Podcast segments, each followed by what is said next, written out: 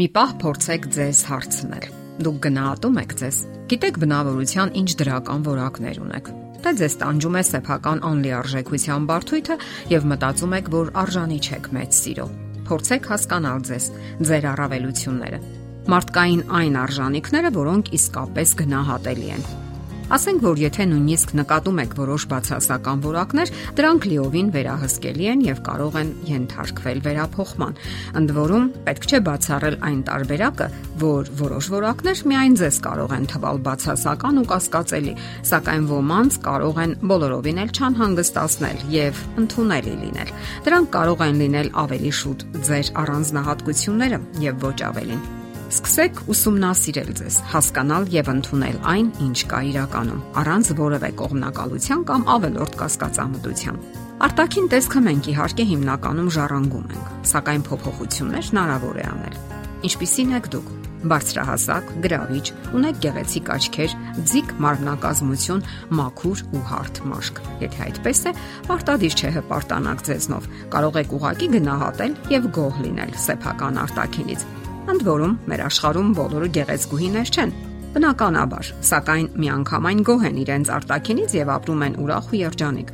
Ինչպես ասում են, դա մտածման խնդիր է։ Ընդ որում ֆիզիկական շատ արատներ այսօր միանգամայն ենթակա են ուղումների։ Դիմահարդարումը նույնպես քողարկում է որոշ թերություններ, ընդ որում ոչ քիչ դեպքերում դրանք թերություն են ձեր կարծիքով։ Իսկ որոշ առանձնահատկություններ երբեք չի կարելի թերություն համարել։ Մտածողությունը շատ ավելի կարևոր է հարկավոր է վերափոխել մտածելակերպը։ Մի հետազոտող այսպիսի փորձ է կատարել ուսանողների 3 խմբի հետ որոնք պետք է բասկետբոլային ազատ նետումներ կատարեին Զամբյուղի մեջ։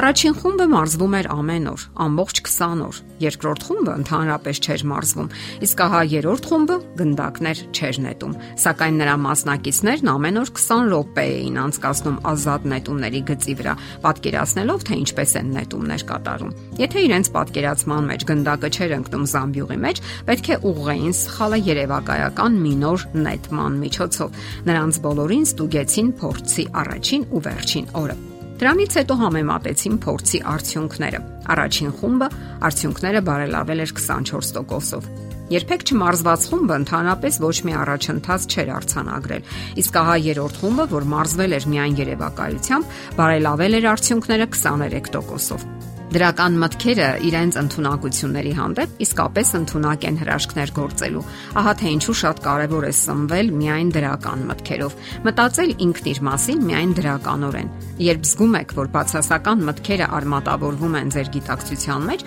ձգտեք ազատագրվել դրանցից, թեև իրականում դա այնքան էլ հեշտ չէ։ Հարցն այն է, որ երբ հենց սկզբից վատ ենք մտածում մեր մասին, շրջապատում որոնում ենք դրա ապացույցները եւ սկսում գտնել Սակայն բարի լուրն այն է, որ դուք կարող եք փոխել ձեր բացասական մտածողությունը։ Փոխվելու առաջին քայլն այն է, որ ընդունեք բացասական մտքերի արկայությունը։ Որսացեք այն պահը, երբ բացասական մտքերն այցելում են ձեզ եւ դուք արդեն գիտեք դրանց մասին, այլ կերպ ասած ճանաչում եք դրանք։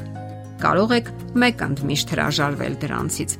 Կարևոր է նաև շփման արվեստը։ Սրան կարող է խանգարել թե ինքնասիրահարվածությունը եւ թե թերարժեքությունը։ Շատ մարդիկ ինքնասիրահարված են, իսկ ահա շատերն էլ իրենց չեն սիրում։ Նրանք թերարժեք են եւ բարթույթավորված։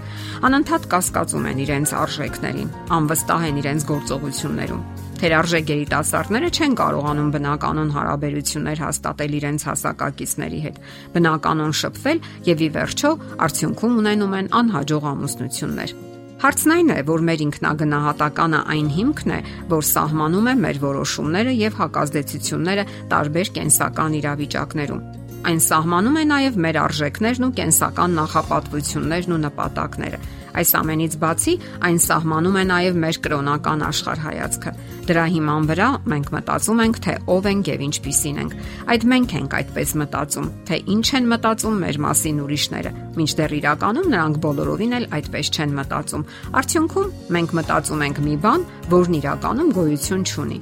Երիտասարդները ցավոտ են ընդունում իրենց վերաբերող կարծիքները Նրանք ցանկանում են հրճակավոր լինել, նշանավոր ու ճանաչված։ Ցանկանում են, որ իրենց սիրեն, ընդունեն ու հարգեն, եւ երբ չեն ստանում այդ ամենը, դա ազդում է նրանց ինքնագնահատականի ու կենսական որոշումների վրա։ Նրանք տարապում են ներքուստ, կարող են նույնիսկ հասնել լուրջ հաջողությունների, սակայն իրենց հոգու խորքում մնալ թերարժեք ու անվստահ։ Իսկ ահա բարձր ճափազանցված ինքնագնահատականի դեպքում երիտասարդները հակված են թերագնահատելու դիմացինին, ճնշելու նրան, խոսելու ուժի դիրքերից, իսկ երբեմն էլ բռնության դիմելու, խափելու կամ նվաստացնելու։ Այսպիսի երևույթների հիմքում եւս թաքնված է թերարժեքությունը, երբ փորձում են դրսևորել իրենց կամ ինքնահաստատվել դիմացինի հաշվին։ Բոլոր դեպքերում հարկավոր է լինել բնական։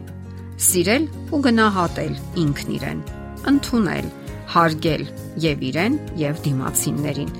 Արդյունքում կունենաք հիանալի եւ առողջ հարաբերություններ։ Ի վերջո նաեւ առողջ սեր, որը կորոշի ձեր ողջ հետագա կյանքն ու ապագան։ Եթերում է ճանապարհ երկուսով հաղորդաշարը։ Ձեզ հետ է Գեղեցիկ Մարտիրոսյանը։ Հարցերի եւ առաջարկությունների համար զանգահարել 033 87 87 87 հեռախոսահամարով։